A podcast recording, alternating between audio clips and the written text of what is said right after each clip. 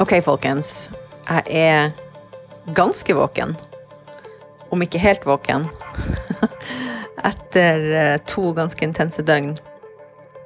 Både i Bergen for TV 2 og her i Oslo for både TV 2 og NRK. Eh, Det er utrolig hyggelig og et privilegium at det man forsker på, er interessert i At man får lov å formidle om det i media, og at folk er interessert i det man har å si. Det er jeg veldig glad for, og det tar jeg ikke for gitt. Men jeg er også litt sliten. Men det jeg hadde lyst til å si, um, er at det er for tidlig å konkludere hva det endelige resultatet av mellomvalget 2022 faktisk er. Og de aller, aller, aller fleste har allerede konkludert og er på vei inn i hva skjer i 2024. Men fordi at vi ikke er sånne populistiske medier her på Jeg tror jeg må beepe det ut, eh, Bjørnar. I det amerikanske paradokset så eh, tar vi oss råd til å ta et steg tilbake og vente litt. Vi vet fortsatt ikke det endelige resultatet, og det endelige resultatet kan bety en republikansk kongress, full kontroll både i Senatet og i Representantenes hus, eller det kan bety noe annet.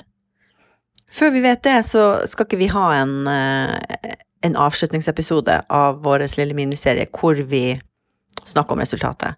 Men jeg har lyst til å påpeke noen trender, og jeg har lyst til å eh, gi dere noen verktøy for hvordan dere skal tenke om de analysene som kommer. Så nå skal vi alle gjøre dere til eh, smarte konsumenter av eh, mediestoff om det amerikanske mellomvalget. Den første trenden jeg har lyst til å påpeke, er jo at nå er det tredje gang amerikanere har gått til valg, og tredje gang på rad at de har avvist den radikale Trump-fløyen i det republikanske partiet. Det skjedde jo veldig overbevisende i mellomvalget i 2018, som jo var det første mellomvalget etter at Trump hadde blitt valgt til president. Det skjedde i presidentvalget i 2020, og nå har det skjedd igjen. Og det at det skjedde i år, det gir meg jo Det gjør meg håpefull, fordi i år var et sånn type mellomvalgsår hvor alt lå til rette for at det republikanske partiet skulle gjøre et brakvalg. De historiske trendene er jo her veldig, veldig sterke. Den første trenden er jo at det første mellomvalget etter at en president har blitt valgt, da gjør opposisjonspartiet det bra. Gjennomsnittstapet for en nyvalgt sittende president i første mellomvalg, hvis vi tar tall fra 1934 til 2018, er at man taper 28 representanter i huset for den sittende presidenten og hans parti, og man taper fire seter i Senatet.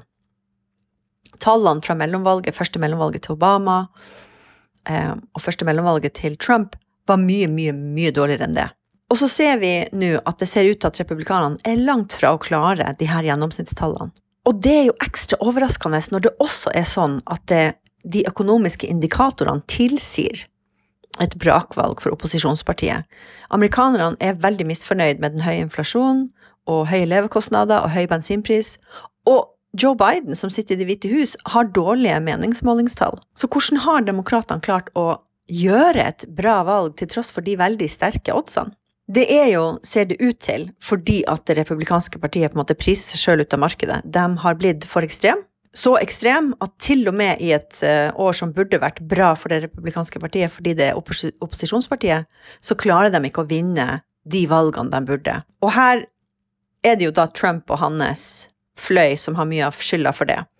Igjen så vil jeg jo si at det kan jo fortsatt være at republikanerne tar et knapt flertall i, i Senatet. Og det vil da være fordi at en av de her farlige og radikale Trump-kandidatene, f.eks. en Kerry Lake i Arizona eller en Herschel Walker i Georgia, faktisk vant valget sitt. Men allikevel så har det ikke gått så bra som man hadde grunn til å tro. Dette burde vært en republikansk walkover, og det var det ikke.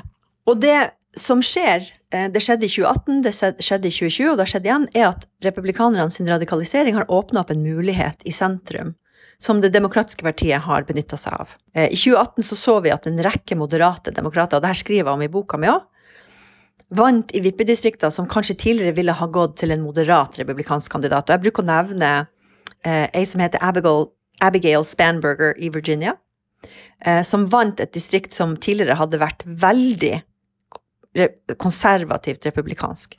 Hun vant det i 2018 som en del av denne bølgen med mer moderate demokratiske kandidater som en sånn motreaksjon mot Trump.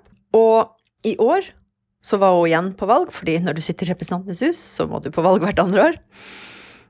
Og da hadde hun fått en av de her Trump-kandidatene imot seg. Hun hadde fått en motkandidat eh, som hadde uttalt at de som storma Kongressen 6.1.2021, bare brukte sin ytringsfrihet. Og så hadde hun sagt at de som blir voldtatt, ikke kan bli, kan bli gravid. Og Spanberger har klart å bli gjenvalgt. Og var, hun bodde i et av de distriktene som alle de her eh, analytikerne og kommentatorene pekte på som et sånn Bellwether district. Hvis hun hadde tapt, så var det en rød bølge på gang. Men hun holdt. Hun holdt distriktet sitt. En annen faktor som er viktig å ha med seg, som jeg tenker som, på som et verktøy som dere burde bruke når dere leser analyser av amerikansk politikk, og det bruker jeg mye tid på i boka mi, det er effekten av de politiske institusjonene. Um, fordi det er en del som formidler resultater fra amerikanske valg som om det er et sånn én-til-én-forhold mellom velgere og valgresultat. Men da går de glipp av en intervenerende variabel, som vi ville sagt på statsvitenskap, nemlig at mellom velgere og resultatet av valget, så ligger det et lag med politiske institusjoner som legger føringer på resultatene. En av de institusjonene som jeg skriver om i boka, er jo gerrymandering, altså partisk opptegning av valgdistrikter. Og hvert tiende år når det har vært folketelling, så vil hver delstat gå inn basert på den nye folketellinga og tegne nye valgdistrikt. Den siste folketellinga var i 2020, og i 2021 så tegna man opp nye valgdistrikt. Og både etter folketellinga i 2010 og etter folketellinga i 2020 så ser vi at republikanske delstater, altså dvs. Si delstater som da har en republikansk delstatsforsamling og eller guvernør, har brukt gerrymandering for å tegne opp valgdistrikt som er ekstremt bra for dem. Og så er det en del av de kartene, kan vi si da, som blir eh, slått ned på i rettssystemet, men ikke alle. Så hadde det ikke vært for at republikanerne har vært flinke å tegne fordeler for seg sjøl i en del delstater, så kunne det sett enda verre ut i år for det republikanske partiet. Så tenk også litt på det. Tenk på at det er noen strukturer som legger føringer på de resultatene man ser. Det siste jeg hadde lyst til å nevne, det var at man skal være litt forsiktig med hvordan man tolker valgdagsmålinger, såkalte exit polls. Fordi at akkurat nå er det mye spekulasjon rundt hvem var det som møtte opp. Det har vært masse spekulering i eh, vil latinamerikanske velgere i Nevada og Arizona stemme på demokratene eller republikanerne. Eh, hvor mange unge velgere var det som møtte opp? Generation Z, de som er født etter 1996, er en potensiell maktfaktor for Det demokratiske partiet, fordi de er veldig mye lenger til venstre i politikken enn det generasjonene over dem er. Men yngre velgere i USA er jo notorisk dårlige til å møte opp og stemme, særlig i mellomvalg. Men Generation Z er jo nå For hvert andre år når det er valg, så kommer det en ny bolk av dem inn i velgermassen. I og med at de fyller 18 år. Men så er spørsmålet da går de faktisk og stemmer og jeg er litt spent på i hvilken grad den, de yngre velgerne har vært en maktfaktor i årets eh, mellomvalg. Eh, og gitt litt sånn overraskende bra resultat for demokratene. Jeg er også spent på tallene for eh, the latino vote, som man kaller det litt sånn upresist og generelt. Men det jeg ville advare mot, det var å tro på tall du hører nå. Tallene man hører nå, om hvor mange slike som møtte opp, og hvor mange sånne, det er basert på uvitenskapelige og upresise exit polls, altså valgdagsmålinger, hvor man går til valglokalene og spør hver tredje person hvem stemte du på? Og så prøver man å generalisere. Eh, det er gjerne ikke før man får eh, verified voter files.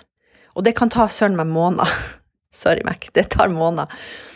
Uh, før kanskje da Pew Research Center lager en rapport som kan fortelle oss faktisk hvor stor andel av Generation C som uh, møtte opp på valgdagen, og hvor stor andel av den gruppa igjen som stemte på en republikansk eller en demokratisk kandidat.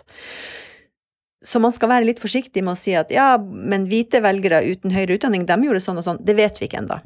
Og jeg er veldig spent på særlig hva som skjer. Hva er trenden med yngre velgere, og hva er trenden med velgere med latinamerikansk bakgrunn i ulike delstater? For det også vil fortelle oss en del om hvilke premisser vi skal legge til grunn for å tenke på presidentvalget i 2024.